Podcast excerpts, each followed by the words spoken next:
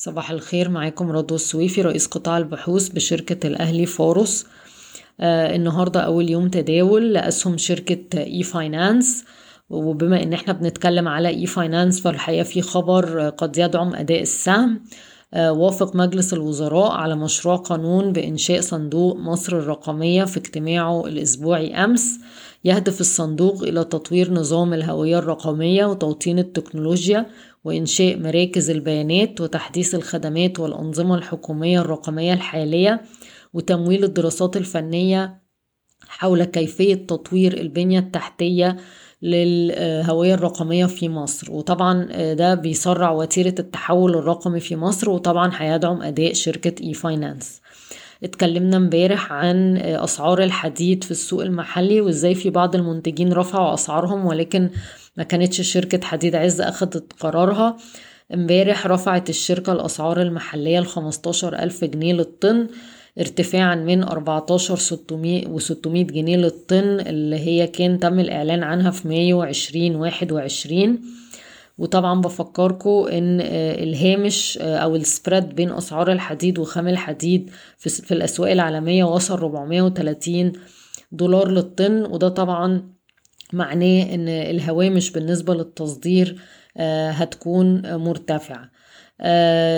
تبحث شركة أوراسكوم للإنشاءات إمكانية الاستحواذ على كيان مملوك لعائلة ساويرس يعمل في مجال المعدات الاستيراد والتوزيع والخدمات المرتبطة بالمعدات الإنشائية. تتطلع الشركة للاستحواذ على مية في المية من الكيان من خلال الشركات التابعة. وهتعين مستشار مالي مستقل لإعداد التقييم. وطبعا الصفقة مش هتتم إلا بعد موافقة مجلس الإدارة والمساهمين.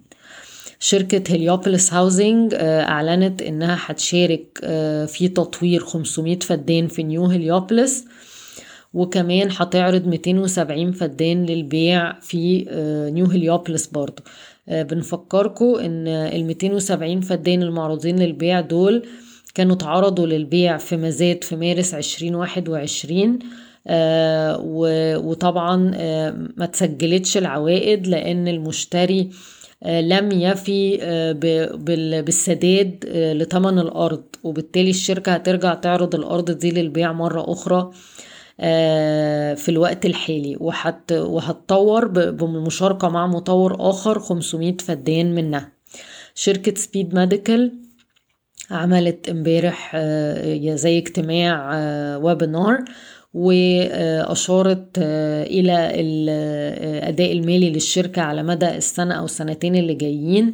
اتكلمت عن ال drive thru وإزاي إن هو هيدخل لها في السنة تقريبا من السنة الجاية 250 مليون جنيه تقريبا إيرادات و70 مليون جنيه أرباح. اتكلمت عن العقد اللي في ليبيا آه وازاي إن هو متوقع يدخل 90 ل 100 مليون جنيه وصافي دخل 20 مليون جنيه وبرضو عن العقود بتاعة التحليلات الخاصة بالعمرة وإن عوائده من هتبقى تقريبا في حدود 840 مليون جنيه وصافي دخل 240 مليون جنيه.